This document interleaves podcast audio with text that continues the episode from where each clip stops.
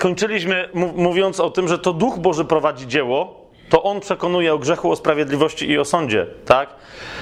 E, Martyna dzisiaj przyjechała na to spotkanie, to z mamą, ale, e, to obydwie przyjechały, ale przyjechały z Gliwic do Lublina, dlatego że, że po prostu coś, coś, teraz już wiemy, że ktoś i już wiemy kto, tak? A e, mówił jej w sercu, że to dzisiaj masz być w Lublinie. Po prostu, bo dzisiaj chcę, żeby się pewne rzeczy wydarzyły. I teraz znowu nie, nie, na nikogo nie naciska i nic się nie dzieje e, i mogłyby po prostu, ponieważ e, na wszystko jest czas i miejsce. Tak, tak mówi e, kaznodzieja pański. Tak, ale jak no, dzisiaj, no takie są potem jeszcze tematy, które, Martyna, jak posłuchasz dalej, co się dzieje, a będę dzisiaj ostrzegał, żeby za szybko nie chrzcić ludzi e, czasami. Okay. ale jak coś, to dzisiaj się też chrzcimy, nie? Jak... Więc teraz widzicie o co mi idzie? Jest jeszcze, jest jeszcze druga rzecz. Tu dzisiaj na sali było parę osób, no jedna na pewno, która po prostu tam aż rękami machała e, z tyłu, które duch pobudzał, żeby się modlić właśnie o Martynę. Tak?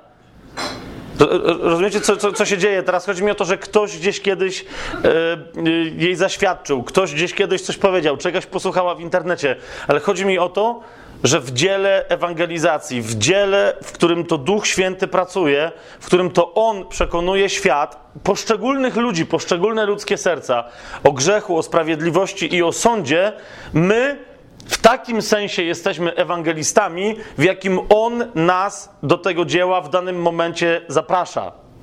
W takim wymiarze jesteśmy ewangelistami, w jakim jesteśmy posłuszni zaproszeniu Bożemu. Nie pamiętam, czy ja to w ogóle u Was mówiłem, jak byłem ostatnio w Lublinie. Ja opowiadałem Wam o popku? Nie. Nie opowiadałem. A wiecie, co to jest popek? Wiemy. Co? Wiemy. Wiemy, powiedziała jedna dziewczyna. Wiemy. W szkole przestrzegają. E, a, w szkole przestrzegałem przed popkiem, okej. Okay. Popek. Flecista. Okay, to ten.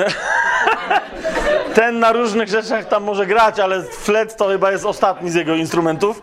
Um, otóż ja kiedyś miałem e, takie, um, przyłapałem się na, myślę sobie, no nie, no to przecież, powiecie, ja już od jakiegoś czasu mam taki, poza innymi rzeczami, Ostatnio chyba jak u was byłem, to mówiłem, że mam problem z postem, takim normalnym, y, fizycznym, takim, żeby nie jeść. Nie, nie wiem, czy to mówiłem, ale to tak jeszcze wtedy było. Ale potem y, dla mnie łaska tego spotkania i modlitwy w, w Lublinie skończyła się tym, że zacząłem pościć. Także okej, okay, u mnie się też rzeczy dzieją i jest super.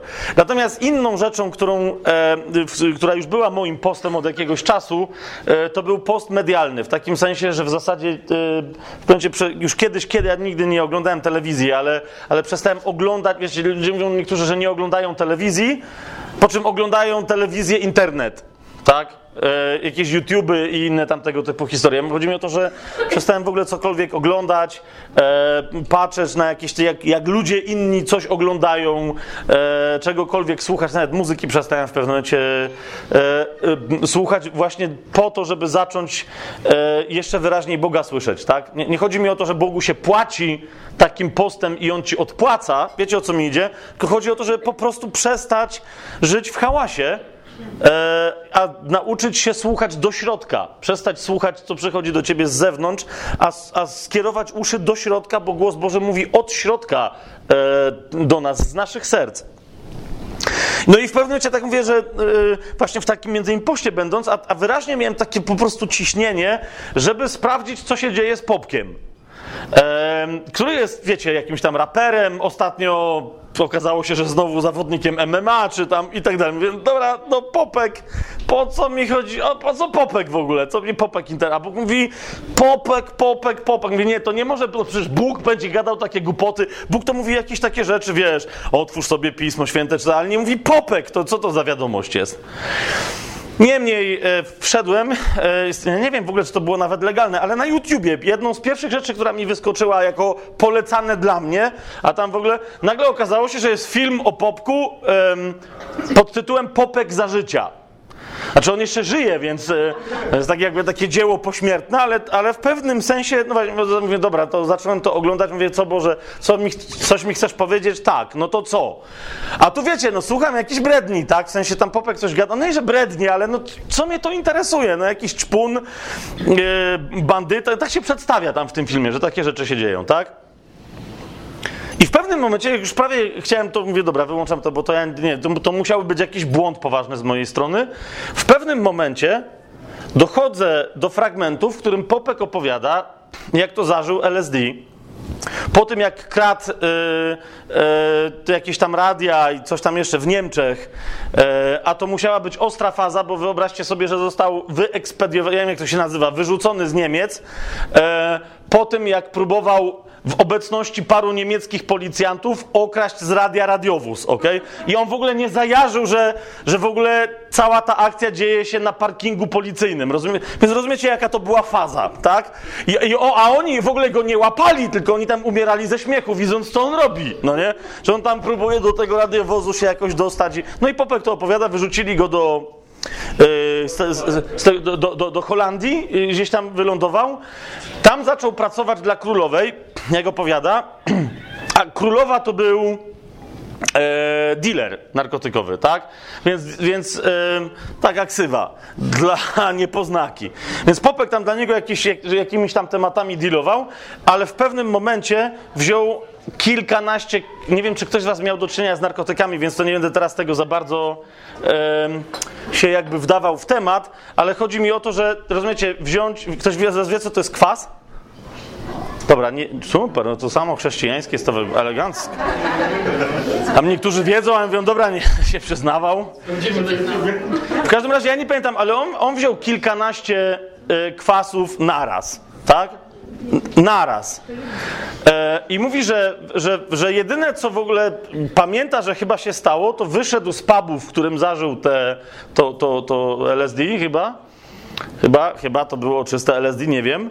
E, i, a wiecie, to jest Holandia, to był, nie wiem, Rotterdam czy co to było. W każdym razie wyszedł na, z tego pubu na ulicę, a no, to była wąska ulica, a obok niej jakiś tam kanał z wodą, tak? No i mówi, że po prostu wpadł do tego kanału. E, byłby się, ale i tu od tej pory nie wie, co jest grane, jak to się stało, że się nie utopił. Najwyraźniej ktoś to zauważył, wyciągnęli go z tej wody, przyjechało pogotowie e, i przez bardzo długi czas facet w ogóle nie mógł, e, wiecie, dojść, e, dojść do siebie, tak? Bo był chyba sparaliżowany, tam się jakieś tam rzeczy działy. Nie, nie będę wam opowiadać całej tej historii, bo ona jest dosyć dziwna, ale o czym Popek w pewnym momencie tam opowiada? On mówi tak, że w tamtej sytuacji on mówi, że nie, on, jak, jak, jak, on to powiedział, mówi, ja nic nie znałem, ani Ojcze Nasz, ani Zdrowaś Mario, ani, ani nic, ale zwróć, mówi, że z, zwróciłem się do Boga. Tak?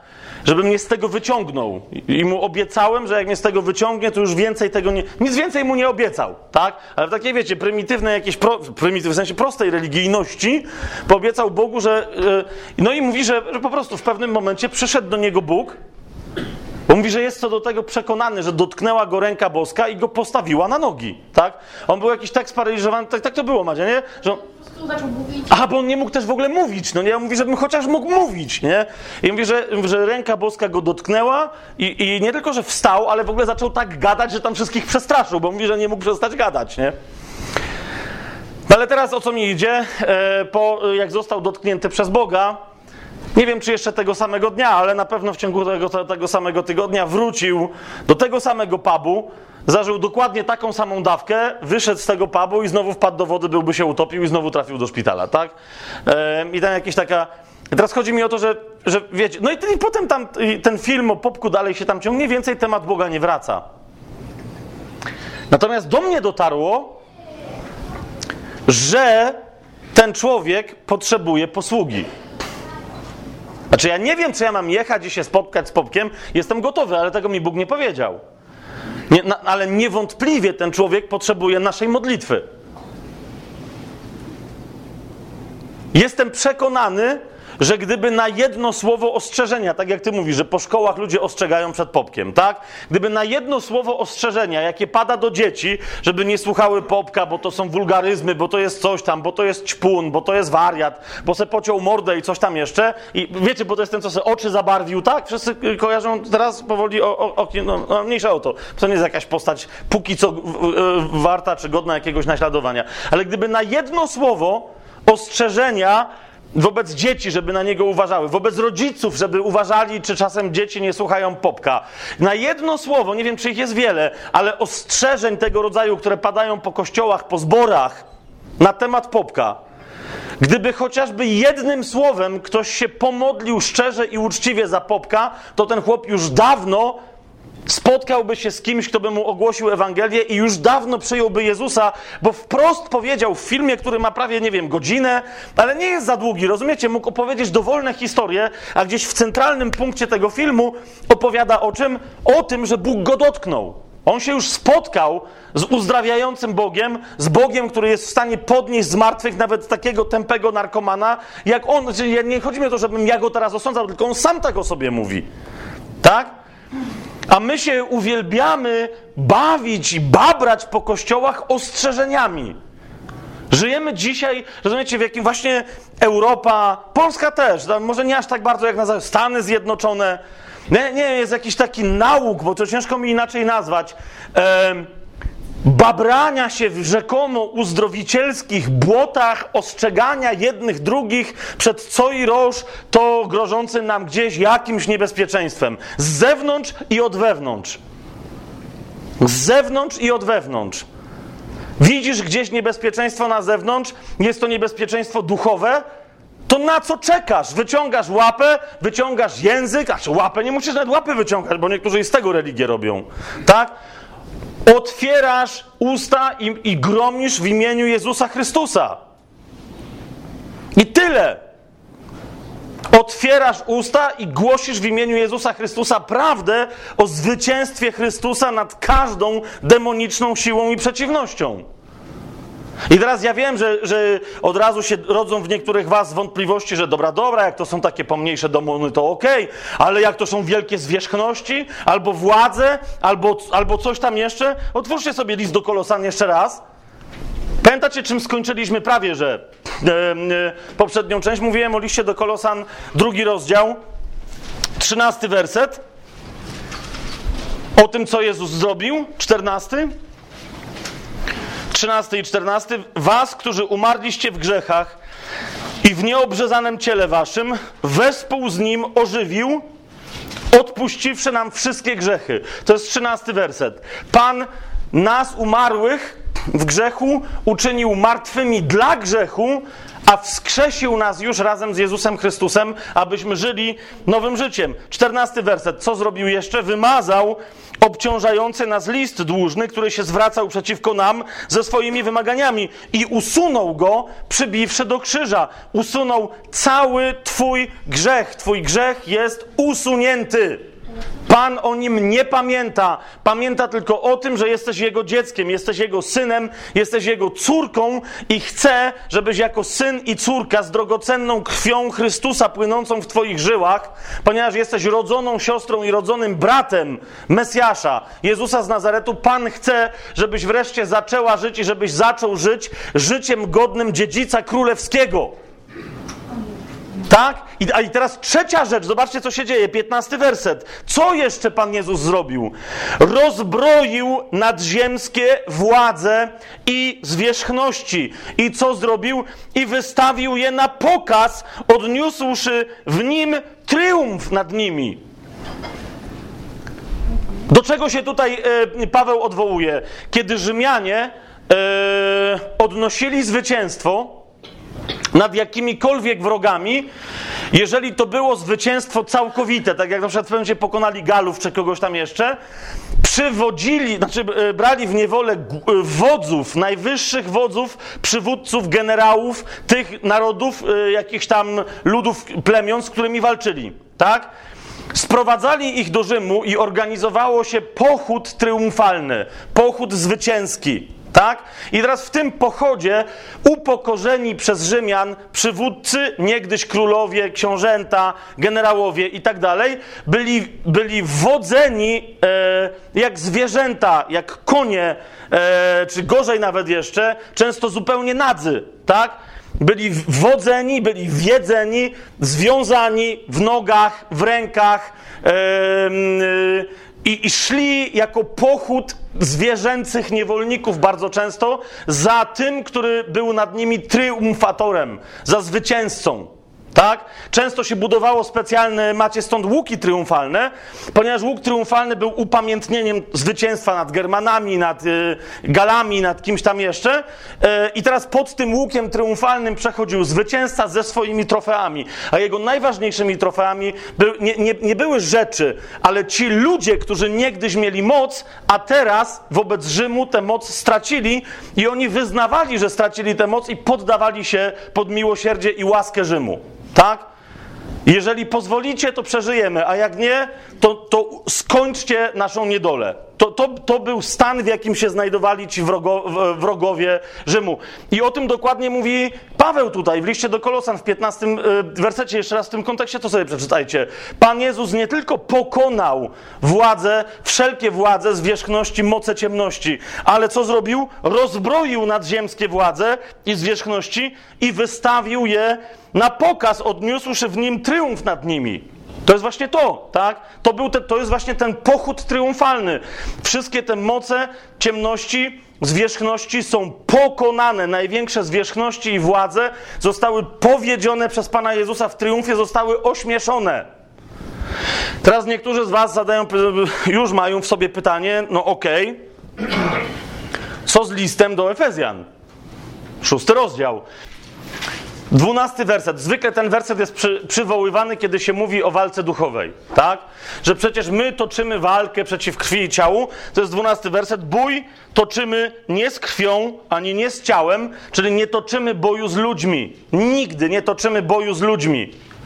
Pamiętajcie, nigdy nie toczymy boju z ludźmi. Jak staniesz naprzeciwko muzułmanina, który będzie krzyczał Allahu Akbar, Pamiętaj, że nie toczysz walki z nim, toczysz walkę z tym rakiem, który jego toczy. Ale ten muzułmanin jest potencjalnym bratem Twoim. To jest potencjalny wierzący. To jest ktoś, kogo Pan chce mieć po swojej stronie, kogo chce mieć zbawionego tak samo jak Ciebie. Jasność, tak? W tej kwestii. Dobra, więc nie toczymy walki z krwią, ani nie z ciałem, ale z, z nadziemskimi władzami, ze zwierzchnościami, z władcami tego świata ciemności, ze złymi duchami w okręgach niebieskich. Niemniej zauważcie, werset wcześniej, co jest powiedziane? Przywdziejcie całą zbroję Bożą. To jest jedenasty werset. I trzynasty werset, co jest powiedziane? Dlatego weźcie całą zbroję Bożą. Krótko mówiąc, fragment, ten werset dwunasty jest tylko częścią jednego zdania. Zauważcie, ono się zaczyna od gdyż. Gdyż oznacza, że jest to zdanie podrzędne. Tak? To zdanie się zaczęło w jedenastym wersecie. To jest fragment, który nie mówi bezpośrednio jako o głównym temacie, o walce duchowej, tylko mówi o zbroi Bożej. Tak? I teraz mamy więc jedenasty werset. Przywdziejcie całą zbroję Bożą, abyście mogli ostać się przed czym? Przed zasadzkami diabelskimi. Tak? I potem jest dopiero powiedziane, ponieważ walczymy jeszcze e, z demonami, i potem dalej jest powiedziane, dlatego jeszcze raz powtarzam, weźcie całą zbroję Bożą. Otóż, w jakiej sytuacji my się dzisiaj, gdy chodzi o siły duchowe, znajdujemy na ziemi? W bardzo prostej sytuacji. Fakt, że kiedy, kiedy dzień, ten, e, zakończenie II wojny światowej to był 10 maja, tak? Zależy według, której daty, według ruskich 9. No niech będzie. E, ale widzicie, fakt, że została podpisa podpisana kapitulacja e, w Berlinie, czy gdzie ona tam była podpisana, nie oznacza, że automatycznie całe wojsko złożyło broń niemieckie, hitlerowskie, tak?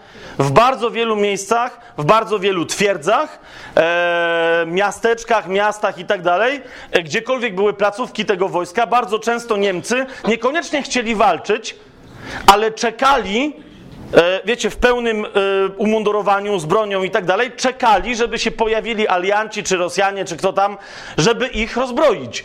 Tak? Żeby się nie okazało, że oni jeszcze jakieś, jakieś walki toczą, no bo wiecie, mogliby zginąć, a tak to wtedy się poddawali, oficjalnie poddajemy, skoro się pojawiło wojsko zwycięskie, to my w zgodzie z, tą, z aktem kapitulacyjnym, my się też poddajemy, tak? Wy, wywieszali białą flagę i to była cała robota. Ale oczywiście jeszcze gdzie nie gdzie pozostały wierne systemowi i reżimowi oddziały elitarne i nie tylko elitarne, po prostu różni dziwni ludzie, którzy nie chcieli się poddać. Tak?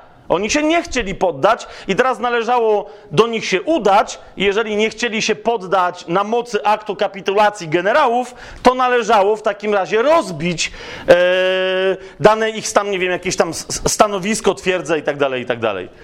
I teraz, kochani, my się znajdujemy w dokładnie takiej sytuacji. My się znajdujemy w sytuacji, w której siły wroga zostały pokonane. Słowo Boże o tym mówi bardzo wyraźnie. Tak? Natomiast naszym zadaniem jest ogłaszać Królestwo Boże na tej ziemi, rozszerzać Jego wpływ, żeby Jego wpływ, wpływ w dniu, kiedy Pan Jezus powróci, żeby w sposób ostateczny to Królestwo na tej ziemi fizycznie ustanowić, żebyśmy, żeby zastał jak najlepszą sytuację. Po prostu. My jesteśmy tymi, którzy wiedzą, że wróg skapitulował. Mamy się znajdywać w kolejnych miejscach, na kolejnych przyczółkach wroga, żeby go rozbroić. Przestudiujcie, nie będziemy teraz tego robić, ale przestudiujcie sobie dokładnie e, e, tą końcówkę szóstego rozdziału na temat pełnej zbroi Bożej. Teraz wybaczcie dziewczyny, bo nie, ja nie chcę teraz jakoś zabrzmieć jak jakiś, wiecie, seksista, tak? Czasem tak brzmi, ja nie, nie jestem. Uwielbiam kobiety, uwielbiam mężczyzn. Jedno i drugie nie ma związku z tym, o czym teraz myślicie. Eee, Wiem że, wiem, że jesteśmy, mówiliśmy dzisiaj trochę o tym, że jesteśmy w trochę inny sposób stworzeni, ale chodzi mi o to, że po prostu, no jakby na to nie patrzeć, dziewczyny nie do końca mają wyobraźnię, gdy chodzi o nazewnictwo zbroi rycerskiej. Podobnie jak mężczyźni, yy, żadna z was się nie zdziwi, jak się okaże, że jakiś chłop nie odróżnia spódnicy od sukienki. Czekaj, to jest, to, to jest się różni, nie? To sam się teraz zastanowiłem. Okej. Okay. Panowie wiecie, czym to się różni? I jeden kiwnął, ale mówi, dobra, ale nie pytaj się mnie. Wiem, wiem. No okej, okay. a, a teraz się zaczną te wszystkie inne historie, E, czym się różni tunika od podwiązki? No dobra. E, I teraz, e, dziewczyny, bo, bo, jak się zacznie tutaj historia, to poza tym wiem, bo roz, miałem rozmowę całkiem niedawno z jedną siostrą, która, uwierzcie mi, że naprawdę nie wiedziała, do czego służy przyłbica, no nie? W każdym razie uważała, że to jest nie na głowę, przyłbica, tak? Przyłbica. To, to teraz, więc yy, zasadniczo ona pomie, pomieszała przyłbicę z puklerzem. Jak jej powiedziałem, co to jest puklerz, to było jeszcze gorzej, tak? Więc yy, jeszcze raz, dziewczyny, jak chcecie dobrze przestudiować, co się tu dzieje, to konsultujcie to z jakimś. Mężczyźni zresztą też nie są jakimiś wybitnymi specjalistami dzisiaj w zbrojach. Poorientujcie się i, i ze zdziwieniem odkryjecie, że pełna zbroja Boża, jaką Pan dla nas przygotował, Niektórzy, bo niektórzy to wiedzą, tak? Ale chcę, żebyście to poczuli na sobie fizycznie, a nie tylko mieli wiedzę. Pełna zbroja Boża nie zasłania nam w ogóle pleców, ani tyłka, ani, yy, ani tyłu nóg. A? Ale chcę, żebyście to poczuli, nawet jak to wiedzieliście. Naszym zadaniem jest ścigać wroga a nie przed nim uciekać. Nawiasem mówiąc, jeżeli ktoś, naprawdę jakiś chrześcijanin w głupocie swojej się odwróci, to dostanie rozżarzonym pociskiem w tyłek.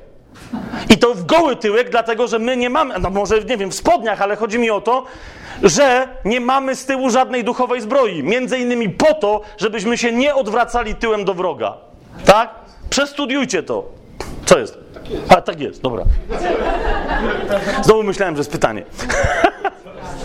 A więc jeszcze raz, e, jeszcze raz, y, gdy chodzi, to nie znaczy, że my się nie mierzymy z wrogiem, ale pamiętajcie, to nie jest otwarta walka. Zobaczcie, co mówi jedenasty werset jeszcze raz. My mamy, potrzebujemy zbroi, ponieważ my idziemy za wrogiem. Idziemy do następnego miejsca, gdzie jest wróg. My robimy dokładnie to samo, co Pan Jezus. W dziejach apostolskich jedno z pierwszych głoszeń na temat Jezusa było głoszeniem, że był człowiekiem, który przeszedł po świecie dobrze czyniąc. Czyli co robiąc? Niszcząc dzieła diabła. To jest to. Niszczył dzieła diabła, uzdrawiał chorych, wskrzeszał umarłych, uwalniał tych, którzy byli w jakimkolwiek więzieniu duchowym, emocjonalnym em, i tak dalej. Głodnych karmił i szedł, i, i, i, rozumiecie, i głosił im następnie Ewangelię, przyprowadzał ich do żywego Boga i szedł dalej. To jest to, co my mamy robić. Oczywiście po drodze potrzebujemy uważać na zasadzki złego, to jest jedna rzecz, tak? Ponieważ zły przed nami ucieka, ale zostawia miny, tak? Więc musimy patrzeć nie tylko e, w niebo, ale i pod nogi, żeby nie wleźć w minę. I druga jeszcze bardzo istotna rzecz, mianowicie, jak mówi o tym właśnie list do, Efezjan 6 rozdział, że, że jeszcze to, co robi zły duch, to się ostrzeliwuje uciekając. Tak? I stąd macie mowę o rozżarzonych albo rozpalonych ognistych pociskach złego. Tak? Zauważcie, to, co, co robi zły duch, to jest ucieczka, zapala jakieś tam swoje strzały i, i ładuje do nas i ucieka dalej. Złemu duchowi zależy na tym, żeby w sensie duchowym zachować z tobą jak najdłuższy dystans. Żeby on do ciebie strzelał rozżarzonymi pociskami, a ty, żebyś zostawał albo zostawała daleko za nim. Dlaczego to jest z jego punktu widzenia dobra strategia? Zwróćcie uwagę, że przy całej zbroi, Boż zbroi Bożej yy, jedynym orężem ofensywnym, jakie mamy, zwróćcie uwagę, yy, to jest 17 werset, tam nawiasem mówiąc jest ta przyłbica zbawienia. Yy, Jest powiedziane, weźcie też przyłbicę zbawienia oraz miecz ducha, którym jest Słowo Boże. Tak? I teraz nie będziemy komentować, co to znaczy, że, że Słowo Boże jest mieczem ducha. Chodzi mi tylko o to, że zauważcie, my nie mamy łuków. My nie polujemy na gołębie, tak? Twoim zadaniem jest skrócić dystans. To jest zadanie tylko i wyłącznie e, na każdej wojnie em, i nie na wojnie najwybitniejszych specjalistów od broni, tak? Nawet, nie wiem, płatni mordercy i tak dalej, oni wszyscy wiedzą o tym, że klasa tego, kto walczy, po, klasę tego, kto walczy, poznaje się po tym, z jak krótkiego albo odległego dystansu walczy. Snajper zasadniczo przez tych, wiecie, w konceptach różnych wojowników to jest. Yy, Okej, jest bardzo ceniony, no ale on yy, strzela z daleka, tak? Ten, kto potrafi podejść blisko i zarżnąć kogoś nożem, ten jest kozak. I teraz zauważcie, jak z punktu widzenia Bożego, jako wojownicy duchowi i wojowniczki duchowe, jak my jesteśmy postrzegani.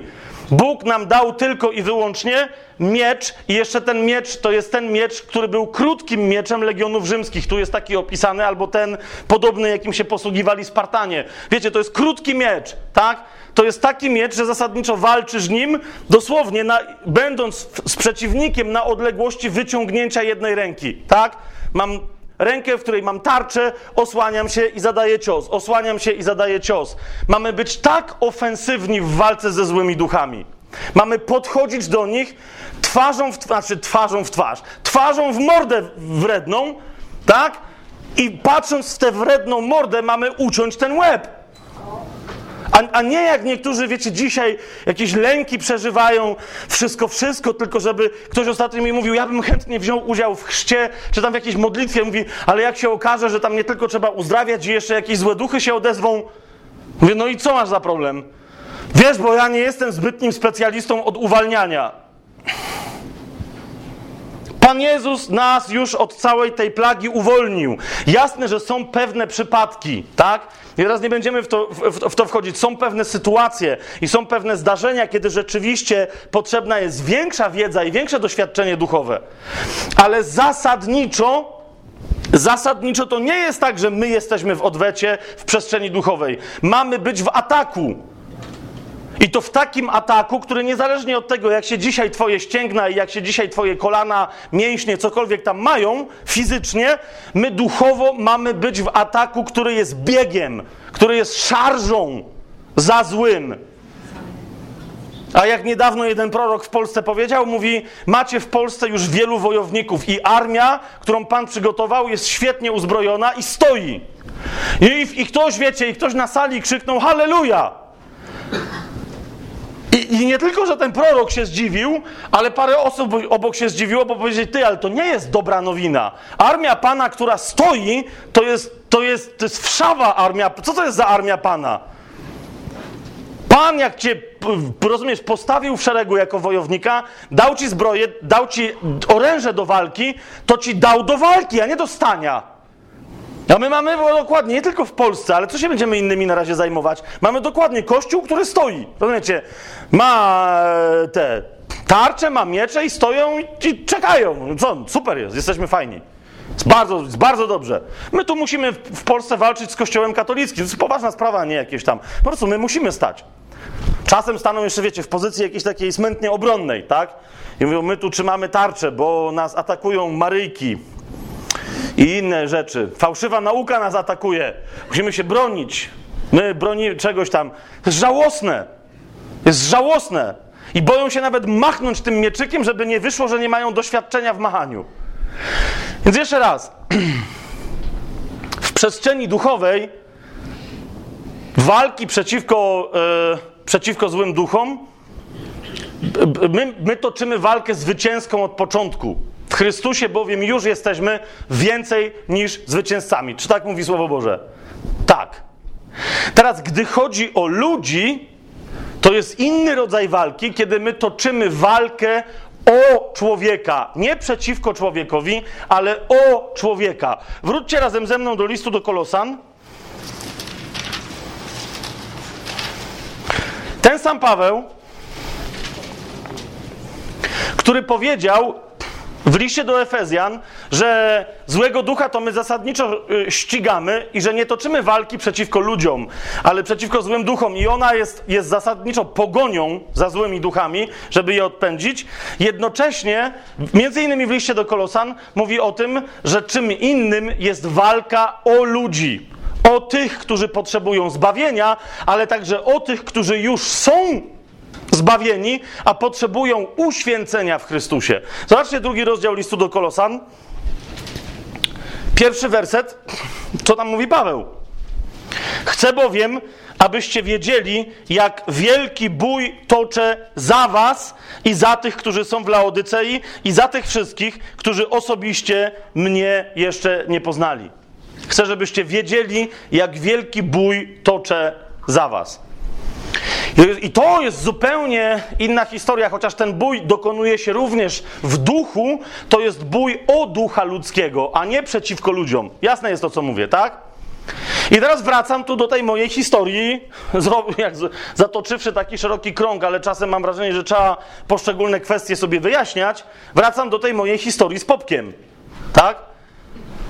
To jest, ja nie wiem, co się ma tam, rozumiecie, e, Walka duchowa o ludzi jest walką, którą można wygrać tylko i wyłącznie dzięki posłuszeństwu. Posłuszeństwu nie ludziom, ale posłuszeństwu woli Ojca, ponieważ tylko On jeden wie wszystko. O pewnych rzeczach Pan Jezus powiedział, że nawet On nie wie, tylko Ojciec. Pamiętacie to? On powiedział, że to, mówi, tego nawet Syn nie wie, tylko Ojciec. A zatem tylko nasze przylgnięcie w Duchu Świętym przez naszego Pana i Zbawiciela Jezusa Chrystusa, przylgnięcie do Ojca, tylko to przylgnięcie, które nam odkrywa Ojca przed naszymi oczami, także widzimy, czego On chce. Tylko to pozwoli nam wejść w autentyczną duchową ewangelizację. Tak jak mówię, tak jak dzisiaj, tak? Miałem zupełnie, y, może nie zupełnie, ale trochę inny plan, ale okazało się, że, że yy, pewnie i tak jeszcze to trzeba było jeszcze inaczej zrobić, ale nie, niechże, niechże będzie, tak? Skoro Duch Boży przyszedł do naszej siostry, do Martinki yy, i ją dotknął, także, także po, po prostu tutaj z, całym sercem, całą duszą zaprosiła Pana do swojego życia, to chwała Bogu, tak? Ale jeszcze raz mówię, to, to ja nie, nie mówię, nie opowiadam wam tego teraz o tym, że ja tu coś zrobiłem tym gadaniem swoim, tak? To, to tylko było, to już była końcówka. Ile osób się za nią modli, jeszcze tutaj na tym spotkaniu dzisiaj, za nią się modliło. Ile osób wcześniej jej głosiło, dawało świadectwo i tak dalej. My tego nie wiemy dzisiaj. Jeszcze raz, czy, czy ja liczę na to, że się, jakbym się spotkał z Pawkiem, to będę mu głosił Ewangelię. Ale ja nie wiem, czy akurat nie ty, ktoś tutaj, kto tutaj siedzi, czy ty się z nim nie spotkasz. Może po to ja dzisiaj mam o tym powiedzieć, żebyś ty później pamiętała, czy pamiętał, tak? Że, że to może na tobie zaciążyć obowiązek tego głoszenia, pod którym on wreszcie, ta skorupa w nim pęknie i przyjmie Jezusa i się zmieni całe jego życie, bo się zacznie. Eee... Drugim, bo, bo teraz jak, jak zobaczyłem ten film z Popkiem i zobaczyłem, że on tam coś o Bogu gada, to wtedy już przestałem się opierać, bo miałem też e, mocny nacisk i mam dalej, żeby się modlić za Marcina Różalskiego. Ktoś wie, kojarzy, co to, kto to jest? Okej, to mężczyźni tam niektórzy kiwają, tak? E, ktoś z Was wie, kto to jest Nergal? O, to, to wszyscy wiedzą. Otóż są pewne środowiska, kochani, w Polsce, e, dla których Marcin Różalski jest znacznie bardziej rozpoznawalnym satanistą niż dla innych Nergal. Tak? To jest zawodnik MMA, niegdyś Muay Thai, e, kickboxingu i tak dalej. E, bardzo dobry zawodnik, ale już jest chyba na końcu swojej kariery. E, I to jest kolejna rzecz, która kiedyś mnie bardzo mocno dotknęła, że dlaczego fakt, że on jest potatuowany jak nieboskie stworzenie i oficjalnie chodzi, wiecie, z takim jakimś pentagramem na sobie, nie wytatuowanym, ale jakimś takim, jakimiś wisiorami tam strasznymi i tak dalej. Dlaczego niby to miałoby mnie od niego odpychać? Wiecie, wiecie, wiecie o czym mówię teraz? Dlaczego by to miałoby mnie od niego odpychać? Ale odkryłem, że byłem od niego odpychany, mimo że Pan mi mówił, módl się za niego. Byłem od niego odpychany, tak? Że co za łoś. Jeszcze mnie denerwował Różalski, bo przynajmniej, żeby był jakimś takim satanistą, żeby można było machnąć ręką i powiedzieć, wiesz, to jest satanista i żeby wszyscy pokiwali głową, no tak, no syfiarz, wszyscy sataniści to syfiarze. Rozumiecie? Ale to jest gość, który, yy, nie wiem, czy on założył tą fundację, czy tam jest jakimś największym sponsorem, ale chyba ją założył. Jest taka, to się nazywa Pomagam Pomagać, Madzia, tak? Coś, co- coś takiego. I pomagają jakimś tam biednym ludziom. On masę tych pieniędzy, które zarabia na walkach, przekazuje, rozumiecie, na ubogich, tak? I tu się nagle pojawia problem. Miałem jedną czy drugą rozmowę na ten temat z niektórymi chrześcijanami, którzy się robią nie tylko odepchnięci od, od niego, żeby się za niego modlić, to jeszcze wściekli na niego. Dlaczego? Bo z, i zamiast się za niego pomodlić, to mówią i polarz jak diabeł działa. To jest taki szatanista, jest taki lucyferianista. On czci diabła, tam nie wiadomo, co on pod, w domu robi. Zgadzam się, nikt nie wiadomo, co robi w domu, tak? Nie wiadomo, co on w domu robi. A jeszcze a, a jeszcze te pieniądze daje i, i wszyscy mówią, przecież to jest dobry człowiek. To on jest znacznie lepszy niż większość chrześcijan. No amen! No amen! No tak jest! I teraz co, na, naprawdę, naprawdę chcesz żyć w jakimś takim dziwacznym matriksie, że wszyscy, którzy nie wierzą w Pana Jezusa są źli? Rozumiesz, to nie na tym polega problem, że są źli. Problem polega na tym, że na litość żyjącego Boga oni są martwi. Oni idą do piekła na zawsze. A ciebie y, zajmuje to, jaki ty masz PR we wszechświecie. Ostatnio nawet pamiętam, że moja żona, bo ostatnio słuchałem, co się tam z Marcinem dzieje, bo się modlę za niego. Teraz była taka walka, nawiasem mówiąc, też bardzo interesująca. Eee, ktoś z widział ostatni KSW 39? No, no właśnie, tak? I tam była jedna walka, Różalski, satanista, specjalnie go ustawili z jakimś Brazylijczykiem, chyba katolikiem. Ale takim, wiecie, jak, jak, jak jest taki katolik, że jest dumny, że jest, to on miał zaś krzyż wytatuowany, wiecie, i to było pentagram kontra krzyż, szatan kontra Jezus. Dosłownie, ciemność, no jak widziałeś, to widziałeś to, nie? Ciemność kontra światłość. Bardzo wierzący ten Brazylijczyk. No, no i to rozumiem, a on jeszcze się dał wkręcić tam ten łoś, że tak, on teraz reprezentuje Jezusa i on teraz pokaże szataniście, jak walczy Jezus. Walka trwała 16 sekund, rozumiecie? Machnął ręką, dostał w ryj i się nie podniósł. Ten, ten, wiecie, ten, co Jezusa reprezentował. No i teraz nagle było takie... Tych paru wierzących, co wiem, że jeszcze y, takie jakieś MMA coś tam oglądają, e, bo ja tylko widziałem skrót, się cie- ciekawiło, co tam, co tam się stało, no nie? I oni wszyscy byli tacy... No właśnie skrót, chciałem obejrzeć skrót, okazało się, że skrót to była cała walka, no nie? I oni tam takie, wiecie, takie nie wiedzieli, jak to skomentować, nie? Takie... On niepotrzebnie w ogóle to mówił, no nie, ten, ten Brazylijczyk, że mógł ten krzyż, no co miał z tego wytrzeć? Tylko rozumiecie, co to w ogóle było, co to w ogóle była za konfrontacja? Rozumiecie o co mi chodzi? Co to była za konfrontacja? I jeszcze mówię, jeszcze ten z tym krzyżem dał się podpuścić, jak była, wiecie, jest zawsze takie, e, e, na sam poważeniu po tych wszystkich rzeczach jeszcze są jeszcze zdjęcia, jak jeden zawodnik naprzeciwko drugiego staje i tam się mierzą wzrokiem, niektórym, wiecie, nerwy puszczają, inni udają, że im puściły, tam się coś rzucają do siebie, no wiecie o co mi chodzi, nie? I, i to już była, to już była sytuacja, że ja sobie powiedziałem, mówię, okej, dobra, dziękuję za uwagę, bo wyszedł Różalski, szatanista, Lucyfer, tych tatuażach wszystkich, tu ma, wiecie, nad, nad, nad twarz całą w tatuażach, tu ma rogi nad, nad, nad brwiami, no odlot. Te, wiecie, jak, macie, jak mają w MMA, to te uszy mają takie płaskie jak kalafiory, a on tu całe tatuaże na uszach ma z jakimiś szatanami, czy tam z czym, no rozumiecie? No i wylas taki ustawił się, a ten chrześcijanin, rozumiecie, do niego z jakimś takim nerwem, że la, la, coś tam krzyczy.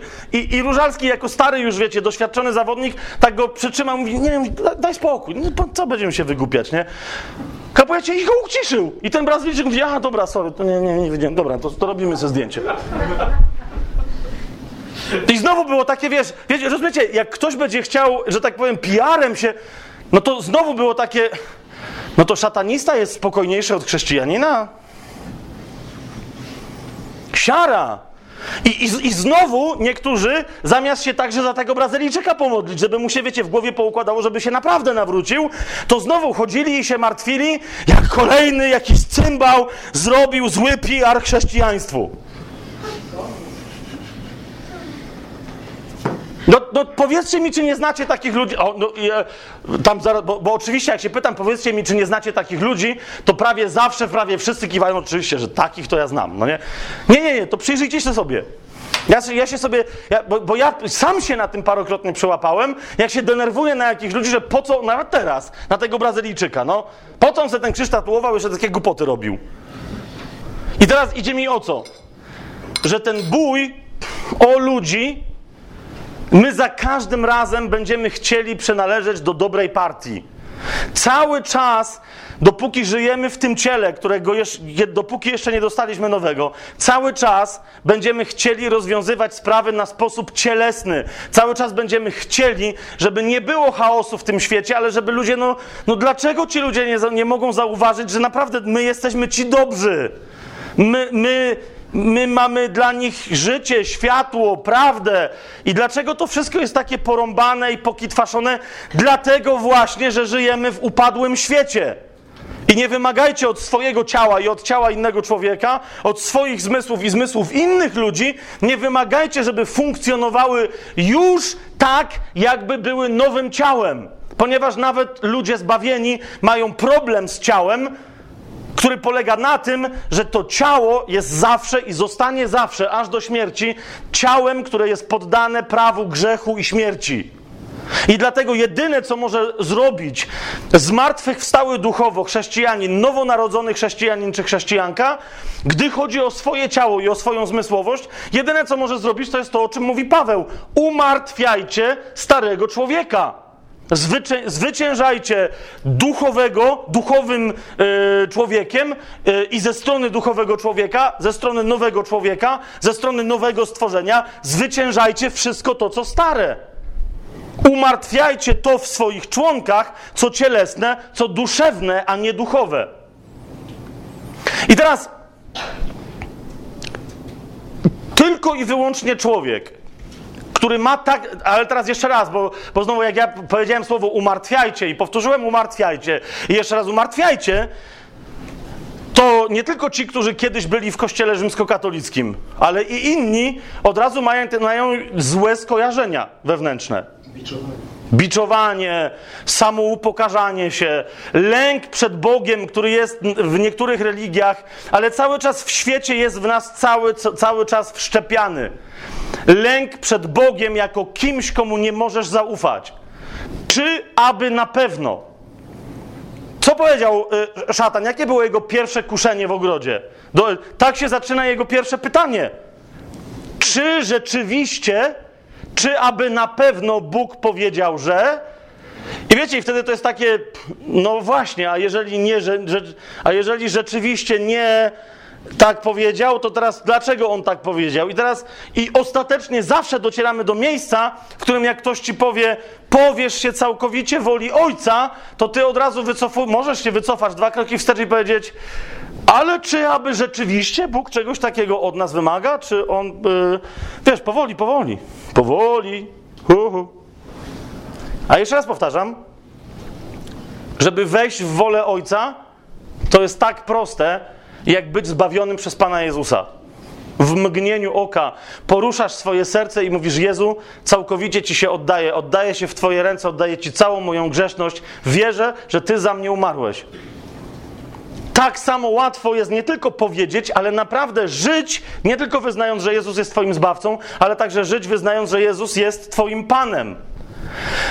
Tylko teraz, kochani, zanim pójdziemy dalej, muszę powiedzieć rzeczy. Ja nie wiem, dlaczego tak jest. Gdzie się nie, y, w jakiś, bo ja wiecie, nie, nie jest tak, że jakoś bardzo jeżdżę po Polsce, bo jakoś za specjalnie nikt mnie nie, za, nie zaprasza. E, I tu macie jakiś sensacyjny w ogóle wyjątek, że pastor kościoła zaprasza takiego anarchistę jak ja do, do w ogóle waszego zboru. Co się teraz tu dzieje? Przecież go rozsadzimy od środka. Ale to tylko wam mówię, fajny chłop z tego waszego pastora. Amen. Oh, hallelujah. Em, Niemniej, e, jakoś nie jestem za specjalnie e, zapraszany, ale, ale bywa tak, że wchodzimy w dosyć poważne i bardzo specjalne dyskusje z reprezentantami różnych denominacji i zborów od jakiegoś czasu. I słuchajcie, jest jakaś taka, że ja nie, na różne sposoby można do niej podejść. Ja dzisiaj podejdę w sposób dosyć kontrowersyjny, e, ale nie ma co się bawić tam, gdzie Słowo Boże jest jednoznaczne. Amen? Amen. Okej, więc wy tylko sprawdzajcie mnie, czy Słowo Boże jest jednoznaczne. Otóż, widzicie, kro, jeżeli ktoś uczynił krok ze śmierci do życia i, i dał się Panu Jezusowi wyciągnąć i oświecić, wyciągnąć z bagna i oświecić, bo wyszedł z mroku, to zaraz następnym krokiem powinna być decyzja, że teraz nie tylko wierzę w zmartwychwstanie Pana Jezusowe, ale chcę się przyłączyć do Jego śmierci. Chcę, chcę znać Jego jako ukrzyżowanego dla mnie, ponieważ w krzyżu jest życie od tego, który zmartwychwstał, ale nigdy nie pozwolił sobie, żeby zniknęły rany po tym, co się stało na krzyżu. Zauważyliście to?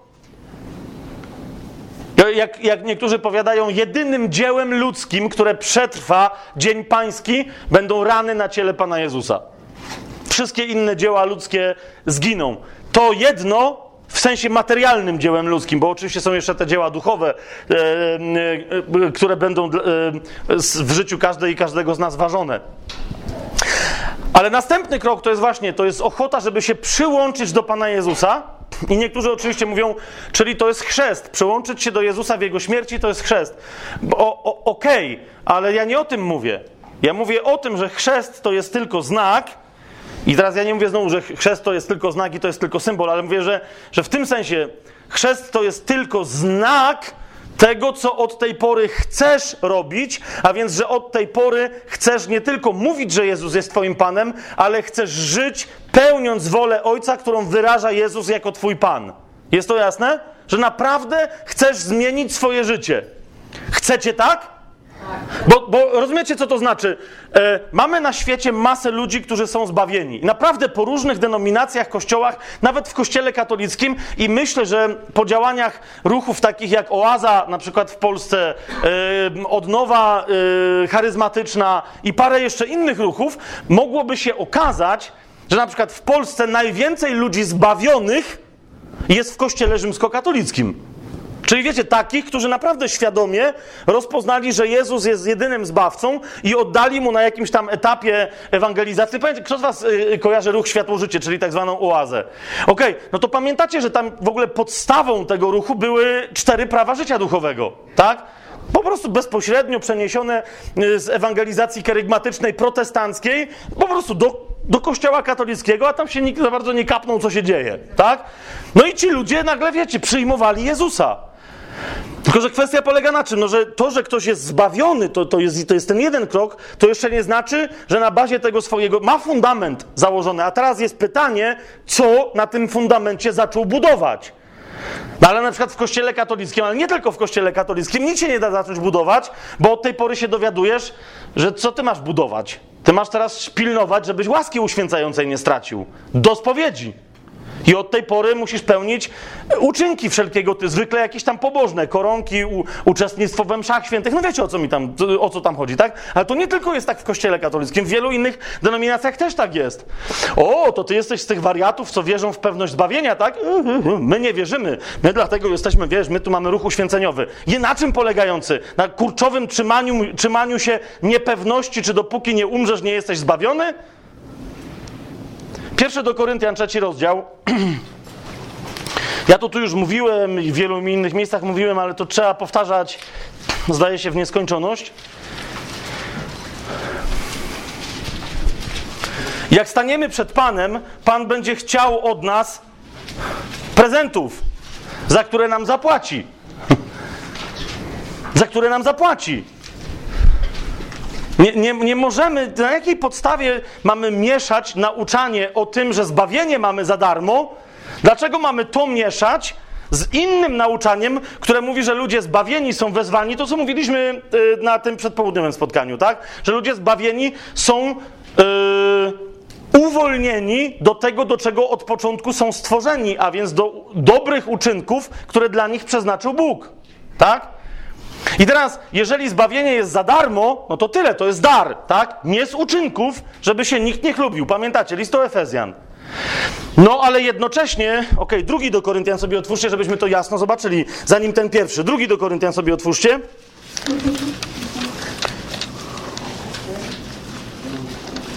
Piąty rozdział, dziesiąty werset. To jest zdanie, które, które Paweł kieruje do chrześcijan i niektórzy z tych, którzy tylko mówią, że cały czas musimy się trzymać łaski, wszystko jest za darmo, ale nie możemy odpaść od łaski. Aaaa, jakie straszne rzeczy, musimy się trzymać łaski. Nie ma, nic nie robią, żeby czasem nie, od czegoś nie odpadli. Rozumiecie? To jest jeden z wersetów, którego nikt nie głosi, którego nikt nie naucza, którego nikt nie zwiastuje, a to jest werset, którym powinniśmy dzwonić potężnymi dzwonami wszystkim chrześcijanom nad głowami. Drugi y, list do Koryntian, piąty rozdział, dziesiąty werset. Co tam jest powiedziane? Albowiem my wszyscy musimy stanąć przed sądem Chrystusowym aby każdy odebrał zapłatę za uczynki swoje dokonane w ciele, dobre lub złe. I teraz po, powiecie, no ale przecież gadaliśmy przed południem dopiero co, że ten, kto uwierzy w Pana Jezusa, nie idzie na sąd. Ponieważ nie idzie na sąd, który będzie sądem potępiającym. Tak? Co do tego możesz mieć absolutną pewność, całkowitą swobodę i całkowity luz. Tak? Jeżeli wierzysz w Jezusa i dzięki tej wierze przyszło do ciebie zbawienie, nie pójdziesz na ten sąd, który jest nazwany w Księdze Objawienia sądem Białego Tronu. Nie pójdziesz na ten sąd. Ale nigdzie Pismo Święte nie mówi, to tylko niektóre religie udające chrześcijaństwo wmawiają swoim wiernym, że istnieje tylko i wyłącznie jeden sąd. Zauważcie, dopiero co pod koniec naszego poprzedniego spotkania mówiliśmy o tym, o zupełnie innym sądzie. Przyjdzie duch, który przekona o grzechu, o sprawiedliwości i o czym? O sprawiedliwości i o czym? I o sądzie. O którym sądzie? O so... Tam, pierwszym. W którymś sądzie? Tak, bo to nie, nie chodzi o to, że pierwszy, bo nie będziemy teraz liczyć, ale o sądzie, który się dokonał nad księciem tego świata. Więc widzicie, macie jeszcze jeden sąd. W zależności od tego, jak będziemy chcieli pewne rzeczy policzyć, to nie będę teraz w to wnikał, ale na tajemnym planie w pewnym momencie będzie e, osobne wykładanie na ten temat. E, będziemy mówić o tym, jak, e, jakiego rodzaju sądy pojawiają się w Nowym Testamencie, jakie już się odbyły, a jakie jeszcze się odbędą, nad kim i po co. Tak? Ten ostatni sąd, na który powstaną niezbawieni ludzie, będzie, zauważcie, sądem nad śmiercią, będzie sądem nad piekłem, to jest bardzo interesujące, tak mówi Księga Objawienia, będzie sądem e, potępiającym szatana, który już wcześniej został osądzony, ale wtedy będzie ogłoszony e, werdykt i ogłoszona egzekucja, tak? I wielu ludzi wtedy powstanie na ten sąd, żeby Pan mógł ocenić ich uczynki i ich niewiarę im ogłosić. Że pomimo tego, że była im głoszona dobra nowina, to oni e, Ewangelii Jezusa m, przez Ewangelię nie przyjęli. Ale my, oczywiście tutaj jest jeszcze kwestia, że tu jest mowa, y, to jest tłumaczenie tutaj jako sąd. Ja bym wolał to nazwać z pewnych, nie będę się teraz w Grekę wdawał, ale z pewnych, no właśnie, niektórzy lepiej tłumaczą, e, że to nie jest sąd Chrystusa, ale że to jest trybunał Chrystusowy. Tak? Pan Jezus, jak się z Tobą spotka, to nie po to, żeby Cię osądzać, do którego piekła trafisz, tak? Ale żeby Ci podziękować za Twoją miłość, jaką miałeś dla Niego w tym ciele, jaką miałaś dla Jezusa w tym ciele. Rozumiesz? I za to dostaniesz zapłatę. Zapłaty nie dostaje się za nierobienie niczego. Zbawienie jest za darmo. Ale następnie nasze życie wiarą, która się wyraża w miłości, jest budowaniem dzieł, do których jesteśmy stworzeni. I Pan Jezus oceni te dzieła i tych, za te dzieła dostaniemy zapłatę. Zauważcie, to jest wyraźnie powiedziane. A żeby każdy odebrał zapłatę za uczynki swoje dokonane w ciele, dobre czy złe. Poczytajcie sobie na przykład listy do siedmiu y, zborów w objawieniu Janowym. Tak? Za każdym razem jest powiedziane, nie ma tam mowy o zbawionych. To są listy do zbawionych, które mają im przypomnieć, że to, że jesteś zbawiony, to, że jesteś zbawiona, to nie znaczy jeszcze, że jesteś zwycięzcą. Jasne? I on tam mówi, jakie do poszczególnych kościołów, czego by oczekiwał od ludzi, którzy byli w tych kościołach, czego by oczekiwał, żeby czego nie robili albo żeby co robili, żeby okazało się, że są zwycięzcami. O tym jeszcze tam się do tych listów dzisiaj w pewnym momencie y, odniesiemy. I teraz jeszcze raz, jak niektórzy, bo niektórzy na mnie tak po, po, spoglądacie i teraz, nie, rozumiecie, nie chodzi mi o to, żebyśmy teraz wylecieli z tej sali i na siłę zaczęli robić głupie rzeczy. Ale jeszcze raz, ponieważ znowu, jak wybiegniemy i teraz zaczniecie, wiecie, te, te książki, co tam mamy z tyłu na stoliku, i teraz będziecie szarpać ludzi, bo to jest jakaś impreza obok, tak? I mówicie, Ej, Jezus żyje, szybko, muszę ci ogłosić Ewangelię, nawracaj się. To chodzi mi o to, że to, to nic nie da. Ponieważ Bogu chodzi o Twoje posłuszeństwo, o, o to, żebyś zaczęła i zaczął z Nim współpracować. Jemu chodzi o to, naj, naj, najprościej rzecz ujmując, żebyś został uczniem, żebyś została uczennicą. Tak? To, je, to jest droga tego, kto buduje dzieła pańskie. Zostać uczniem Pana. Zacząć wyznawać Pana także jako mistrza, w sensie jako najwyższego nauczyciela tego, co znaczy żyć po Bożemu. Zauważcie, zanim chrześcijanie zostali nazwani chrześcijanami, co się wydarzyło w Antiochii, jest opisane w dziejach apostolskich, wcześniej sami siebie nazywali po prostu uczniami Jezusa i byli nazywani uczniami. Tak? Kościół w Jerozolimie w pewnym momencie, jak do nich Paweł przyszedł, bo uciekł z Damaszku, bo tam tak głośno, no właśnie, tam Paweł tak głosił, że prawie wszystkich potem chcieli zabić. Jego i inni chrześcijanie też mieli problem. Więc Paweł uciekł, przyszedł do, do Jerozolimy, a w Jerozolimie Słowo Boże mówi wyraźnie, że z początku uczniowie nie chcieli go przyjąć, bo nie wierzyli, że on też jest uczniem. Rozumiecie? Nie było nazwy chrześcijanie. I ja dzisiaj też, nie chodzi mi o to, że mam coś do tej nazwy, ale bardzo często jest tak, że jak ktoś się ciebie zapyta, a ty co ty jesteś? Ty jesteś jakiś buddysta czy ktoś, bo taki... I ty mówisz, nie, nie, ja jestem chrześcijaninem. To teraz rozumiecie, e, o co mi idzie? Naprawdę wolę powiedzieć, nie zawsze, ale czasem wolę powiedzieć, nie, nie, ja, ja, nie, ja nie jestem buddystą, a jesteś chrześcijaninem, no raczej uczniem. E, jakim uczniem? No Jezusa. A, okej. I teraz widzicie, dla was mówisz, to jest to samo. Ja się zgadzam, ale widzicie, są ludzie na tym świecie chodzący, którzy mają e, pod hasłem chrześcijanin wpisane same jakieś głupoty. Tak? W Polsce niektórzy ludzie, jak powiesz, że jesteś chrześcijaninem, to myślą, że, że jak się pojawi biskup katolicki, to go pocałujesz w pierścionek. Tak, no rozumiecie, no bo katolicy uważają, że są chrześcijanami, tak? W Stanach Zjednoczonych niektórzy myślą, że chrześcijanin to jest gość, który chodzi z dubeltówką i broni swojego bydła. I tak dalej, i tak dalej. Te mają, wiecie, jakieś takie schematy. Natomiast za każdym razem, jak komuś powiesz, że jesteś uczniem Jezusa, to on sobie może najgorsze, najgłupsze rzeczy o tobie pomyśleć, ale chodzi mi o to, że cały czas jeszcze nie ma Wiecie, bo co to znaczy, tak? W sensie może sobie pomyśleć, a okej, czyli ty wierzysz w nieistniejące osoby i tak dalej, i tak dalej, ale to, rozumiesz, od razu może się zacząć dyskusja. Nie, jak to nieistniejące? Jezus żył, umarł, ale zmartwychwstał i żyje dalej, także ja znam tego żywego. A ty co, a ty nie wiesz o tym, że Jezus żyje? Rozumiesz, i teraz się zaczyna, kto tu jest głupi, tak? Ale to jest inna dyskusja.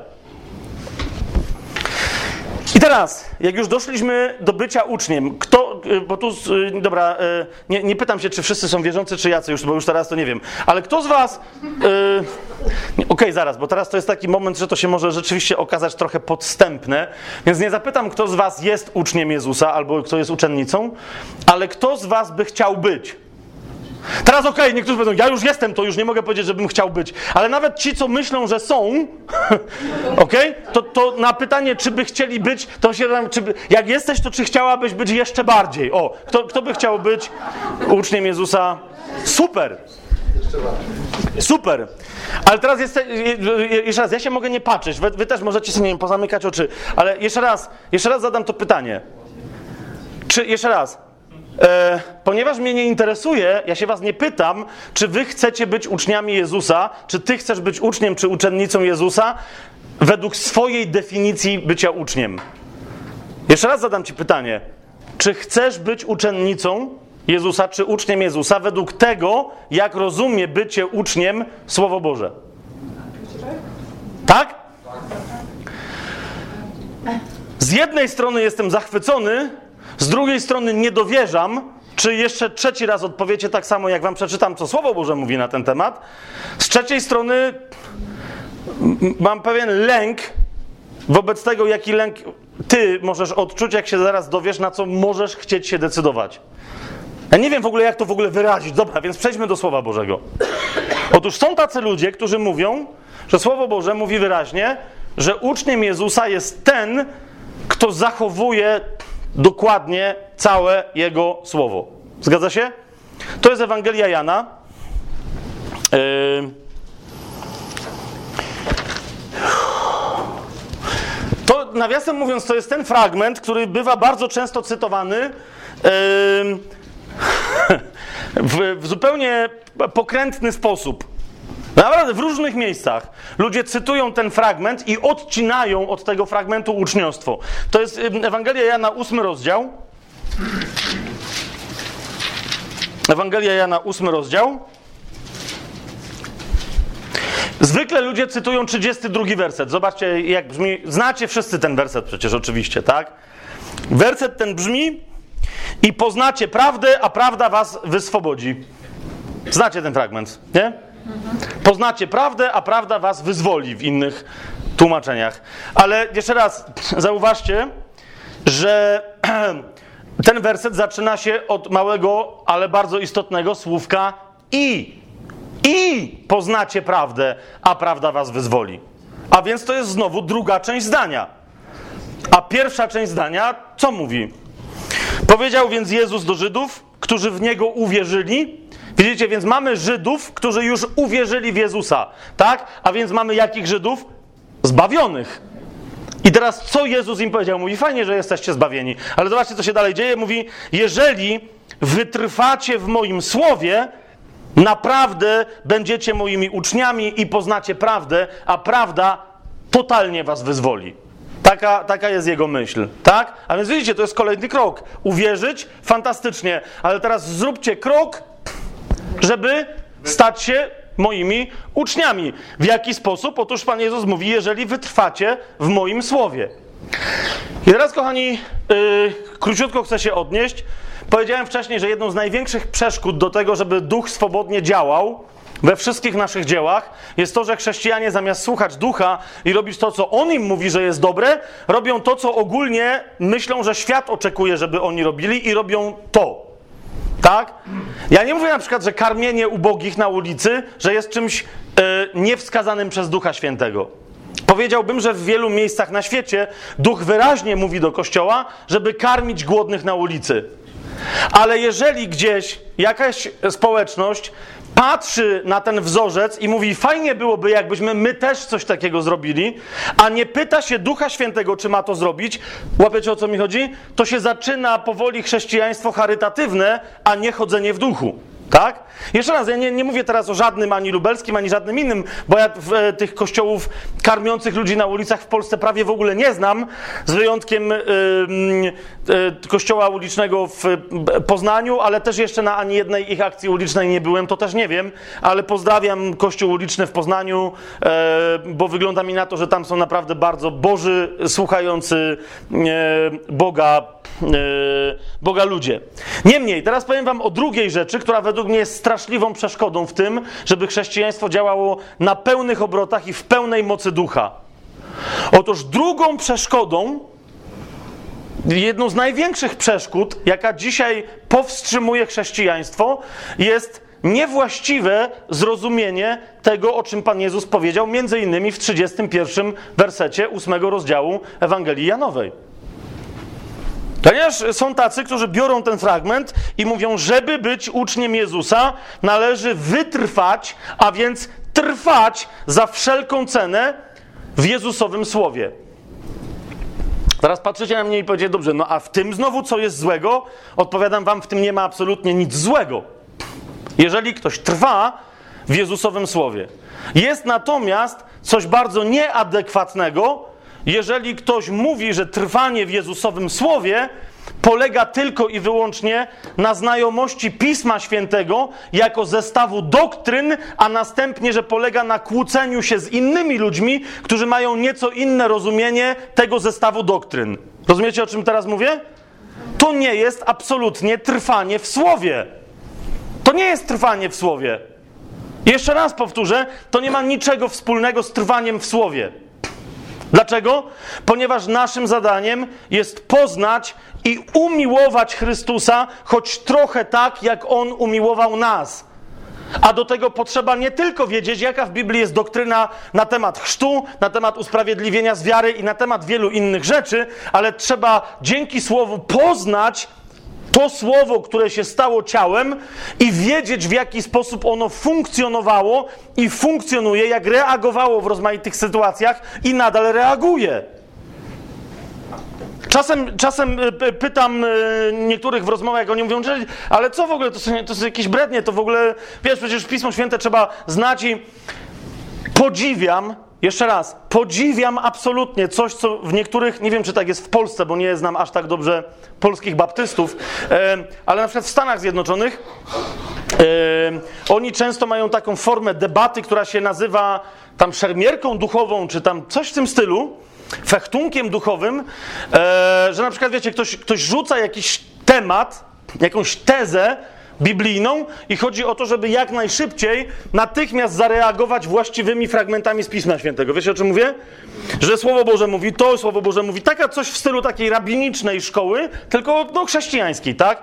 Podziwiam. I wielu chrześcijan dzisiaj powinno coś takiego mieć, żeby wiedzieć, co rzeczywiście e, Biblia mówi na temat wielu zagadnień. Ale teraz, teraz pytam tak.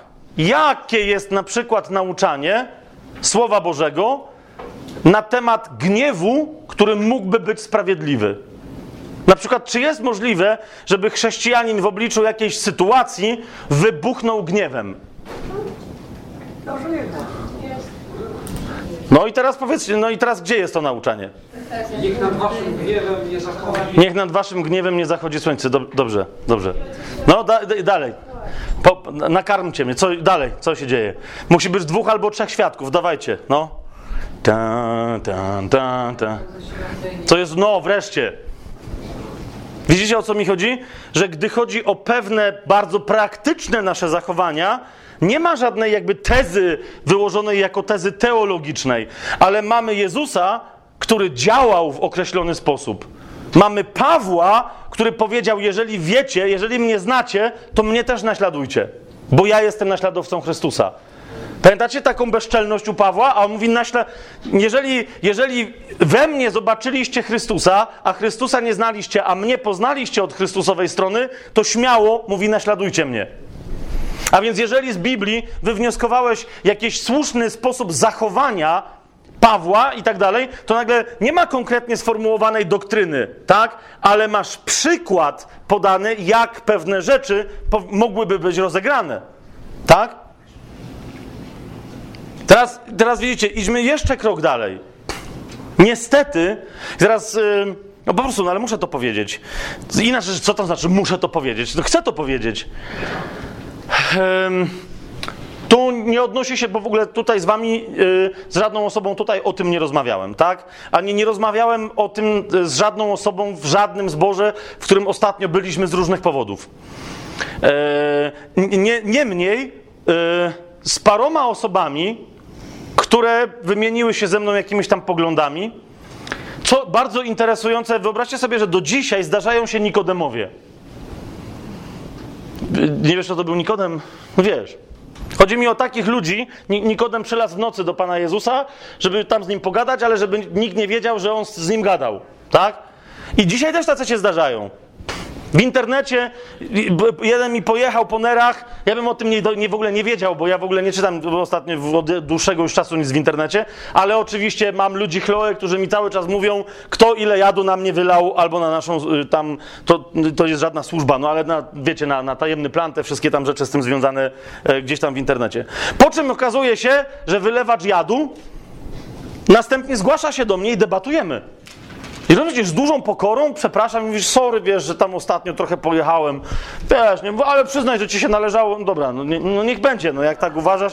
I nagle, wiecie, rozmawiamy i teraz co się dzieje? Ten człowiek zna Pismo Święte tak, że mogę powiedzieć, że naprawdę ma je w małym paluszku, tak?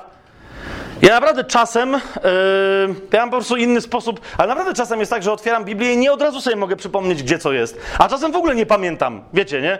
No i wtedy muszę gdzieś tam poszukać, jeszcze jakoś tam pokombinować. A ten gość autentycznie jak jakiś taki, wiecie, taki, taki porządny cadyk, tak?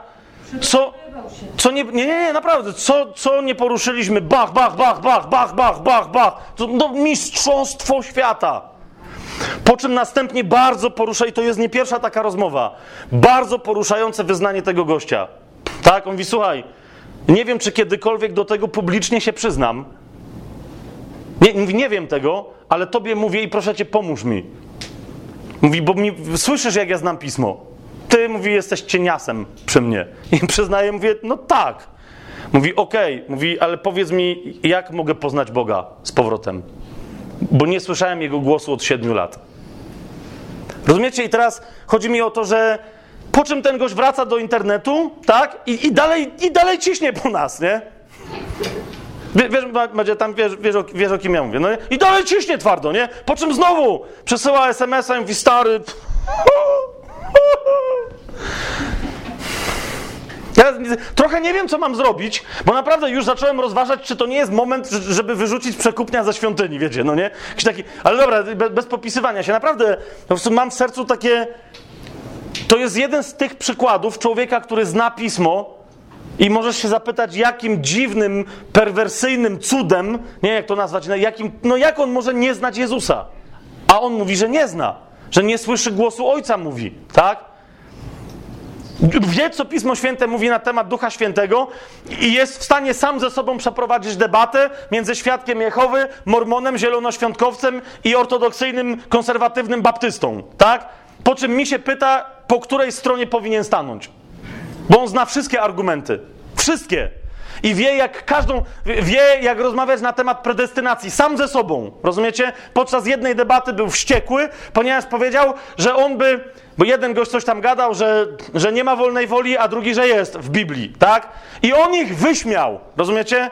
A on mówi, że ten gość powinien powiedzieć, że to, tamten powinien mu odpowiedzieć, że to. Powinien go z powrotem skontratakować, że tak, ale tamten powinien się obronić, że tak. Mówi, to jest to! Nie? I na końcu mówię, dobra, ale ty w końcu w co wierzysz? I on mówi, no właśnie, to, no nie wiem. Mówi, wiesz, no chłopaki mnie nie przekonują. No ale jakbyś ty tam wylazł i ty ich miał przekonać, mówi, o nie, nie, mówi, to nie. Choroba dwubiegunowa. No, ja nie, no tam jest czasem sześciobiegunowa, no nie? Bo to w zależności jaki jest, y, wiesz, e, temat e, doktrynalny. A więc jeszcze raz, nie absolutnie, bo słyszę, że są takie ruchy e, związane z, e, nie wiem, trzecią falą, tym ruchem późnego deszczu, czy nie wiem, wczesnej jesieni, nie wiem, wiecie, charyzmatyczne czy, zieloświąt, że, czy zielonoświątkowe, gdzie jacyś tam dziwni nauczyciele pozwalają sobie mówić, że chrześcijaństwo e, nie, nie powinno mieć nic wspólnego z księgą, e, tylko powinno mieć wszystko wspólne z duchem. I jak kogoś duch poprowadzi do księgi, wiesz o co mi chodzi? To od razu tak sobie myślę, weź, weź, że człowieku, naprawdę, zapoznaj się najpierw z księgą przy, przy pomocy walnięcia się tą księgą w głowę. Tak najpierw normalnie, zanim do ducha dojdziemy. Świętego czy jakiegokolwiek innego. Bo to, to nie, więc rozumiecie, mi nie o to chodzi.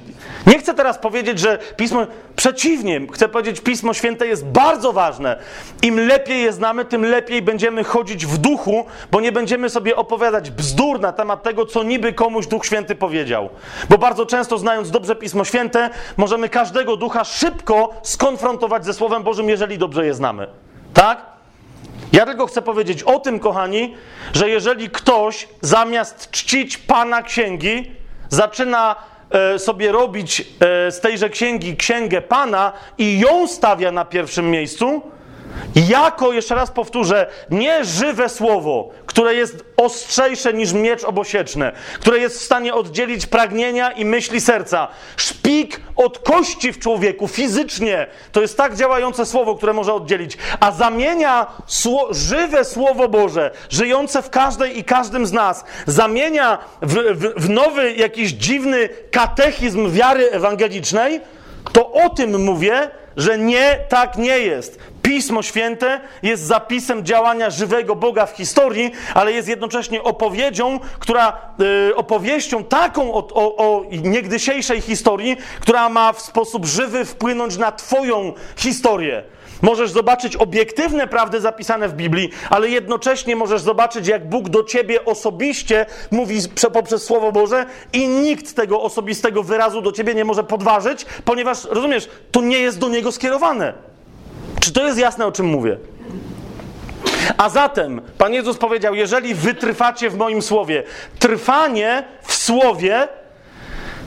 Yy, I tu jeszcze jedną tylko rzecz dodam. Żydzi w ogóle, widzicie, to, to, jest, to jest w ogóle problem między Grekiem a Żydem, tak? To nie jest tylko problem duchowy, to nie jest tylko problem, że Grek jest poganinem, a Żyd jest, ma objawienie Boże. To jest także kwestia rozumienia fundamental, posługiwania się innym językiem, innej umysłowości. Wręcz powiedziałbym czasem postrzegania świata czy innych ludzi w zupełnie innym modelu. Otóż widzicie, Jezus mówi, że jeżeli wytrwacie w moim słowie, to będziecie moimi uczniami. Teraz, jak, wam, jak, jak, jak mówię do Was, a my tu jesteśmy wychowywani, byliśmy wychowywani, jesteśmy wciąż tresowani w kulturze pogańskiej, uczeń oznacza kogoś w naszym języku, kto co? Chodzi do szkoły, no właśnie jest mały i chodzi do szkoły, tak? I co robi w tej szkole? Co- no uczy się, ale co to znaczy, że się uczy? Poznaje. Co to znaczy, że poznaje? To znaczy, że czyta słowa, zwykle uczy się ich na pamięć, coś tam mówi, a nawet jak zapamiętuje sobie jakiś, że chodzi o to, że przychodzi do niego wiedza pod postacią słów i te słowa ma zapamiętane w głowie. Trzeba je rozumieć. Natomiast, właśnie, natomiast y, dla Żyda rozumienie ucznia jest jakie? Że uczeń to jest ktoś, kto robi to, co usłyszał, że ma być zrobione. Jest to dla Was jasne? Krótko mówiąc, na przykład, jeżeli do żydowskiego dziecka y, w, w, czasach Pana Jezusa, bo dzisiaj to jest jeszcze różnie, ale w czasach Pana Jezusa ktoś by powiedział, że dwa razy dwa równa się cztery, to ono by kiwnęło głową, poszło dalej. I nikt by nie skarcił tego dziecka, jeżeli by ono następnego dnia na pytanie, ile to jest dwa razy dwa, nie wiedziało, ile to jest. Dlaczego? Ponieważ nikt mu nic nie kazał robić. Żydowskie dziecko, żeby równanie 2 razy 2, ile to się równa, rozwiązało właściwie, musi dostać inny przekaz informacji. Za każdym razem od tej pory, kiedy usłyszysz pytanie, ile to jest 2 razy 2, albo ktoś napisze ci 2 razy 2 równa się i znak zapytania, wtedy odpowiedz, że 2 razy 2 to równa się 4. Czy to jest jasne? Dziecko kiwa głową. I wtedy nauczyciel mówi, to zatem ile to jest 2 razy 2? Dziecko odpowiada co?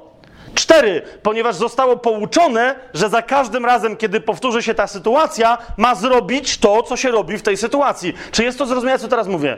I dlatego Jezus, jak mówi, wytrwajcie w moim słowie, wytrwajcie w moich słowach, mówi, czytajcie moje słowa jako wezwanie do konkretnych działań i tych będę rozumiał jako trwających w moim słowie, którzy będą je wykonywać, a nie którzy będą je pamiętać w głowie i innych pouczać, że coś dobrze albo źle rozumieją.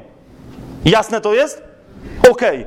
I na tym yy, ten temat zajmijmy. Otwórzmy sobie, idźmy dalej. Czy ile mamy do przerwy? 10. Do, dobrze. Otwórzmy sobie w takim razie yy, dalej Ewangelię Jana.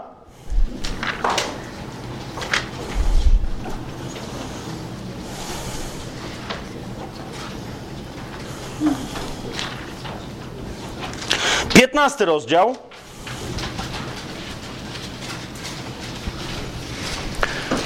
Teraz powiem o trzeciej rzeczy, która według mnie jest straszliwą przeszkodą w kościele. Często ta przeszkoda, e, ta przeszkoda jest, jest, jest tworzona przy pomocy doktryny, która się powołuje na to słowo. To jest 15 rozdział Ewangelii Jana. Ósmy werset. Jest mi bardzo przykro o tym mówić teraz, ale, ale po prostu nie, nie ma co trzymać niektórych wrzodów na ciele, tylko trzeba ciąć, niech ta ropa schodzi, niech te rany się goją i, i róbmy wreszcie i żyjmy wreszcie w tej chwale, w tej radości, którą Pan Jezus nam obiecał, w obfitym życiu i w pełnej radości. 15 rozdział Ewangelii Jana, 8 werset. Pan Jezus powiedział tam tak. Przez to będzie uwielbiony Ojciec mój, jeżeli wydacie obfity owoc i staniecie się moimi uczniami. Amen. Teraz słysze, słyszeliście, już gadaliśmy o słowie. Teraz mówię o trzecim wielkim problemie w kościele. Już powiedziałem, to jest jakieś abstrakcyjne wymyślanie zestawu dobrych uczynków, to jest pierwszy problem, i kazanie ludziom, że muszą żyć według tego zestawu. Druga rzecz to są doktryny. Trwanie w słowie rozumiane jako jakaś perfekcja doktrynalna. A trzecia rzecz, która według mnie stanowi e, czasem nawet większa niż te dwie poprzednie, większą przeszkodę w tym, żeby żyć w duchu, to są dary duchowe. Niektórzy powołują się na ten właśnie fragment, mówiąc, że wydawanie owocu to jest posiadanie duchowych darów, którymi się posługuje. To jest na przykład mówienie językami. Ktoś, rozumiecie, są tacy na przykład, którzy mówią, dopóki nie będziesz gadać językami, to znaczy, że nie jesteś ochrzczony w Duchu Świętym. Słucham? Ostatnio był kongres zielonoświątkowy, na którym poszłam. Nie jestem poświęcona, ale miałam ochotę pojechać. I, Czekajcie, no, no, no. I tam powiedziano mi, e, czy jesteś ochrzczona w Duchu Świętym? I mówię, że jestem. A mówisz językami? Nie. No to nie jesteś. Słyszycie? Jesteś ochrzczona w Duchu Świętym? Tak. A mówisz językami? Nie. To nie jesteś ochrzczona w Duchu Świętym. Ohohoho! Jaka doktryna cudowna. Teraz chodzi mi o to, że są tacy, którzy idą jeszcze dalej i którzy mówią, a jakie masz jeszcze inne dary duchowe? I ty mówisz, wiesz, że kochasz Pana Jezusa, że coś tam nie, nie, nie, ale co konkretnie? Mówisz językami? Nie. Tłumaczysz języki? Nie. Prorokujesz jakoś profesjonalnie? Nie. E, wskrzeszasz może umarłych? Nie. To chociaż może uzdrawiasz żaby? Nie. I, tak dalej. I nagle się okazuje, no to co ty robisz? To co ty robisz? No pytali się tak. No to no, no widzisz? Ty, no to co ty robisz? No i ty mówisz wtedy już za, zapędzona w kozi róg, no nic nie robię. Czyli nie wydajesz owocu. To nie wydajesz owocu. I wtedy jeszcze uważajcie, bo teraz, i teraz widzicie, chodzi mi o to, że ja nie wymyślam tego. Niektórzy czasem ludzie przychodzą do mnie i mówią, stary, ale ty to chyba wymyślasz. I wtedy na szczęście zawsze jest ktoś, kto mówi, nie, nie, nie, ja właśnie tak miałem przed chwilą. Tak jak ty teraz mówisz, no nie? Naprawdę dopiero co byłam na kongresie, no i właśnie tak było. Teraz popatrzcie jeszcze raz na ten werset. Zauważcie, co niektórzy ze Słowem Bożym robią. Ósmy werset. Przez to uwielbiony będzie Ojciec mój, jeżeli owoc obfity wydacie i staniecie się moimi uczniami. E, niektórzy z tego wersetu wyciągają, że jeżeli już nie masz żadnych darów duchowych, to przynajmniej uwielbiaj jak należy. Dobra, patrzycie na mnie, to idę, bo myślałem, że załapiecie. Chodzi mi o to, że na przykład, jeżeli ja teraz tutaj stoję, moja żona jest świadkiem, że ja czasami się dziwnie modlę, jak, jak, jak e, się modlę, na, bo ja się naprawdę mam różne dziwne modlitwy, tak? Na przykład mam taką modlitwę, jedną z moich ulubionych form modlitwy jest leżenie w wannie w gorącej wodzie. E, Madzia wchodzi, jest takie pff, jak gorąco. A, zapomniałem, że się modlisz, no nie? To jest wi wiadomo, jak jest gorąco i ja tam leżę w wodzie w takiej, mam takie nogi wyciągnięte, jestem taki, ten, to, to znaczy, że się wtedy, to jest pewna bardzo istotna dla mnie forma modlitwy rozeznawania duchów, okej? Naprawdę, nie żartuję, po prostu Bóg mi to kiedyś pokazał, że, że to będzie dla mnie najlepsze, jak tak będę robił. Okej.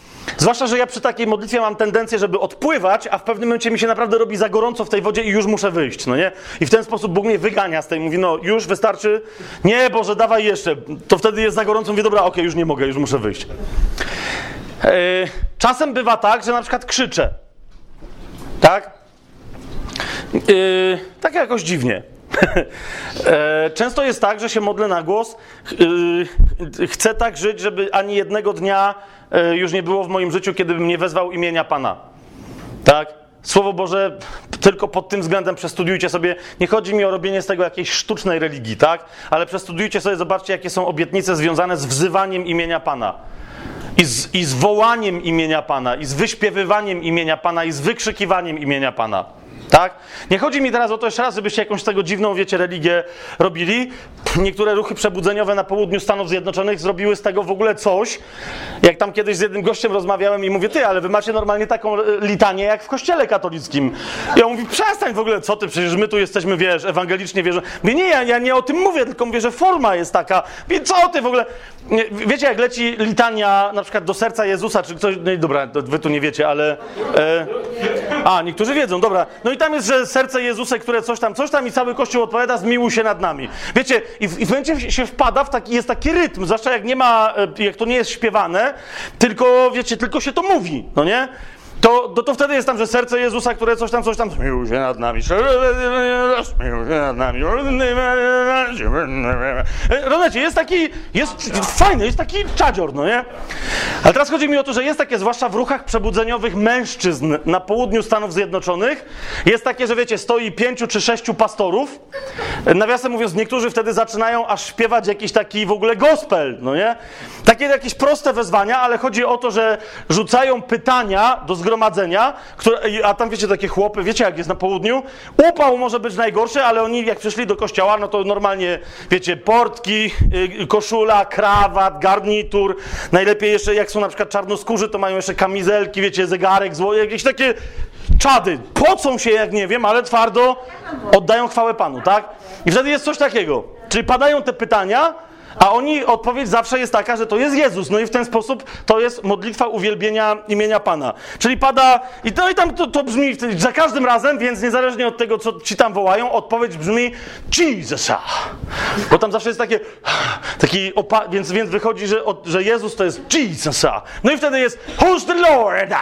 Jesus. I całe zgromadzenie Jezusa. Who's your Savior? Jezusa.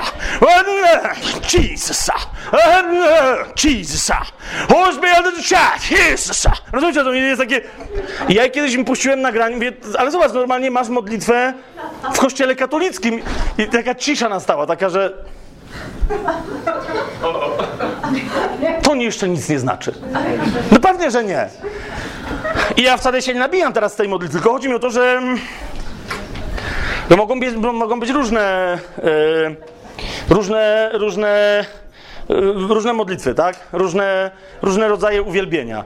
Ale są ludzie, którzy ci powiedzą naprawdę, gdzie nie gdzie, że uwielbienie prawdziwe to jest dopiero jak się wydarzy parę elementów. Czyli na przykład jak my się czasem spotykamy po domach w Krakowie, tak? I dosłownie czasem jest potężne namaszczenie. Ja teraz ja nie mówię o poruszeniu emocjonalnym, ale jest potężne namaszczenie takich dziwnych ludzi jak ja się zbiorę, moja żona. Mogę powiedzieć o sercu? Na przykład moja żona kiedyś uwielbiała Pana. E, Ja myślałem, że. Bo myślałem sobie, okej, ja jestem y, nienormalny, ale ona się nadaje do kobierzyna tak już z miejsca, no nie? To jest y, szpital psychiatryczny w tym, w Krakowie. Ponieważ we dwóch się modliliśmy, jeden tam brat się modlił na językach. Ja mówię, wielbię cię, panie, wielbię i zacząłem też się modlić na językach. A Madzia zaczęła płakać, ponieważ ona jest malarką, tak? Nie miała rozstawioną no, sztalugę, tak jak tylko no, to była profesjonalna sztaluga z pustym płótnem, tak? Które nie wiadomo w ogóle po co dzień wcześniej rozstawiła. I nagle tak patrzę, my się, ja się tu myślę, czekaj, my się tu modlimy, ale zaraz trzeba będzie chyba modlitwę uwolnienia. Ponieważ Madzia prawie nic nie mówiła, tylko miała takie... I, i, I zaczęła płakać, wzięła farby, rozumiecie, na, na ręce i zaczęła walić. I zaczęła. Myślę, okej. Nawet we mnie się duch religijny odezwał i pomyślałem sobie, okej, my teraz, y, my zaraz, muszę upomnieć, przecież to jest w końcu moja żona, czyli ja jako mężczyzna, jako mąż, mam prawo ją upomnieć i nie omieszkam tego uczynić, bo kurna, co ona robi? My się tu modlimy, tutaj uwielbienie, a ta chlapie po... Nie ma kiedy malować, jeszcze płacze. Ja wiem, i oczywiście jeszcze było, wiecie, we mnie, że ja wiem czemu. Bo ona nie chce, bo wtedy mi się wydawało, że Madzia się nie chce modlić na językach, no nie? Mi pan powiedział, temu drugiemu bratu też pan powiedział, że Madzia się modli na językach, a Madzia haratała po tym płótnie. Myślę, no czy mnie trafi coś przecież. Namalowała nam, nawiasem mówiąc, wtedy jeden z najgenialniejszych jak do tej pory swoich obrazów. Y, Jak ktoś z was e, widział... E, To serce? to jest to serce. Tak, czasem, czasem się... Ta, no, no, czasem, no właśnie, bo no czasem tam się, bo, bo Madzia nie chce tego nikomu sprzedać, nie chce tego nikomu dać, bo to jest na, dosłownie. I teraz widzicie, jak ktoś obserwuje ten obraz z bliska u nas w domu, to jak ja mówię ludziom, to że naprawdę, że Madzia go namalowała łapami, normalnie, znaczy łapami, rączkami swoimi słodkimi, tak? E, a, a,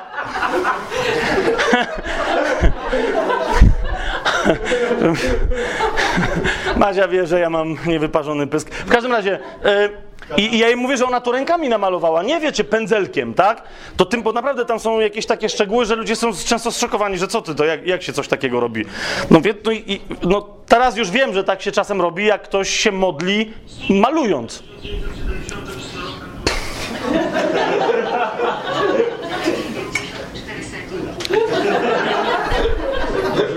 Chciałeś sprawdzić, na, na, którym, na którym odcinku był obraz z sercem?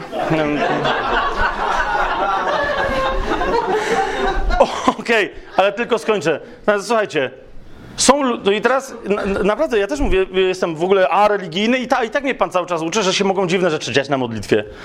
Ale są też tacy, którzy z drugiej strony mówią nie. Modlitwa nie była prawdziwym uwielbieniem, jeżeli nie przyniosła owoców charyzmatycznych, a jeżeli tam nie było ludzi, którzy się wszyscy, żeby się wszyscy modlili na językach i tak dalej, i tak dalej, to wtedy na przykład wyobraźcie sobie, że niektórzy ludzie w pewnym sensie są wmanewrowani, na przykład w taniec z flagami, bo się dowiadują, ty, no skoro się nawet na językach nie modlisz, to chociaż z flagami lataj.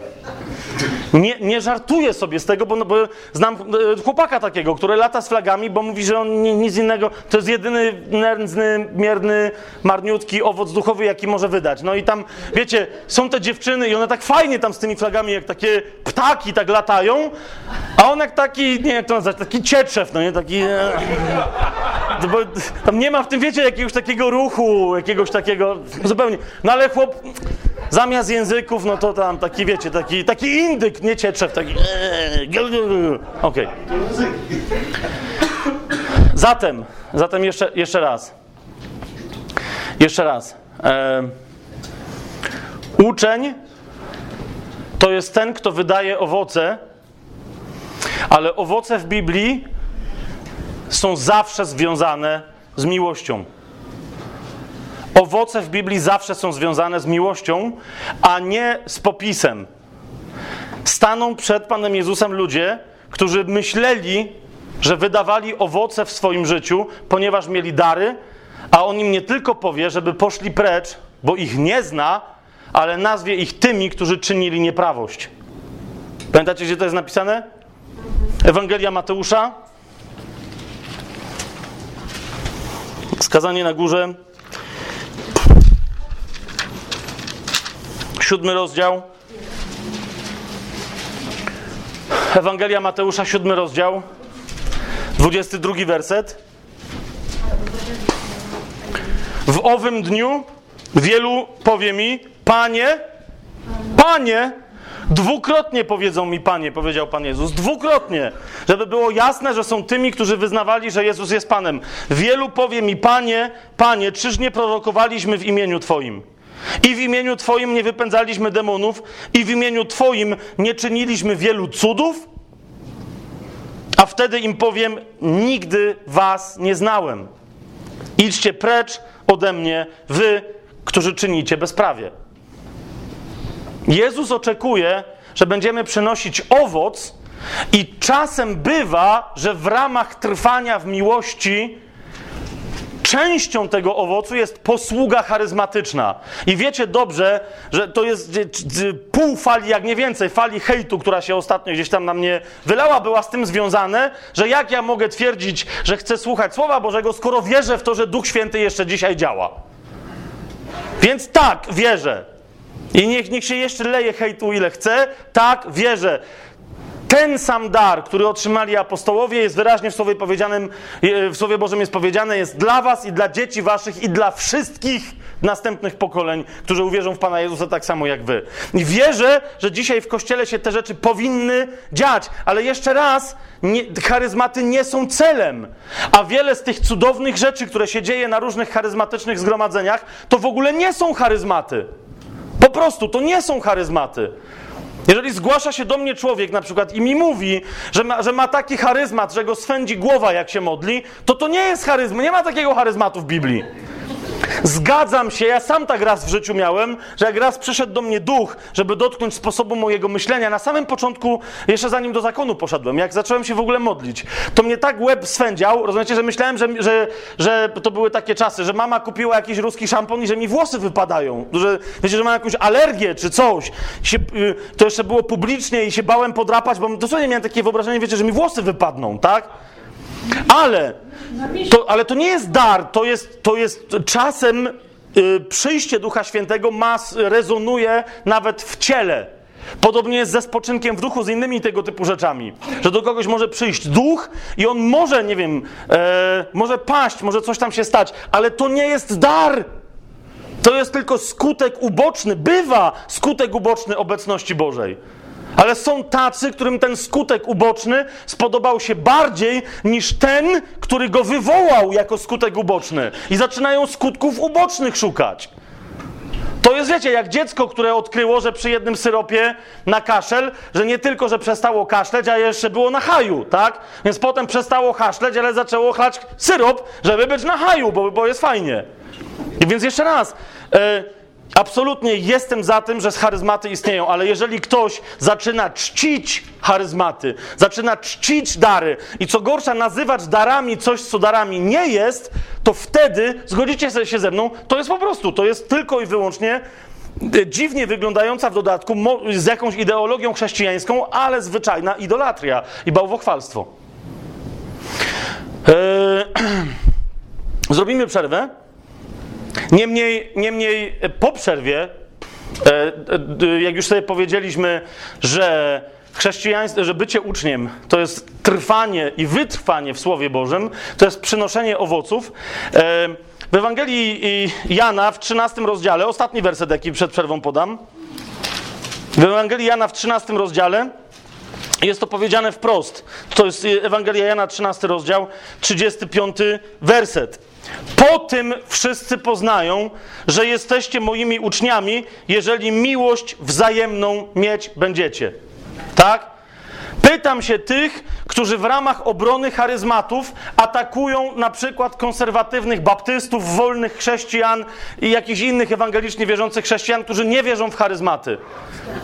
Pytam, pytam się, naprawdę warta jest obrona darów charyzmatycznych, naprawdę warta jest obrona darów charyzmatycznych, kiedy publicznie atakujecie innych braci w wierze, a nie widać, że macie miłość wzajemną?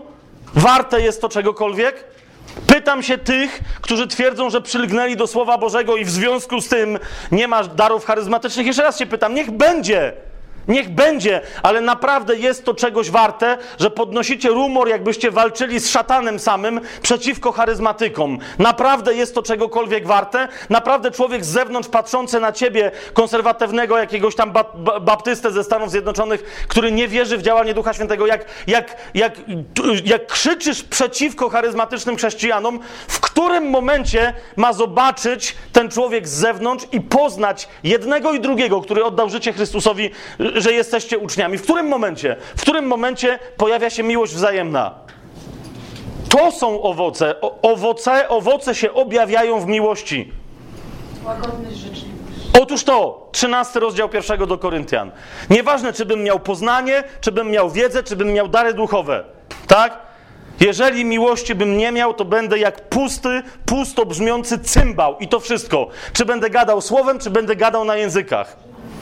Znajomość słowa i języki i wszystkie inne rzeczy mają wynikać z miłości, jaką Pan ma do mnie, jaką ja chcę Jemu zwrócić w miłości, którą wyrażam wobec sióstr i braci.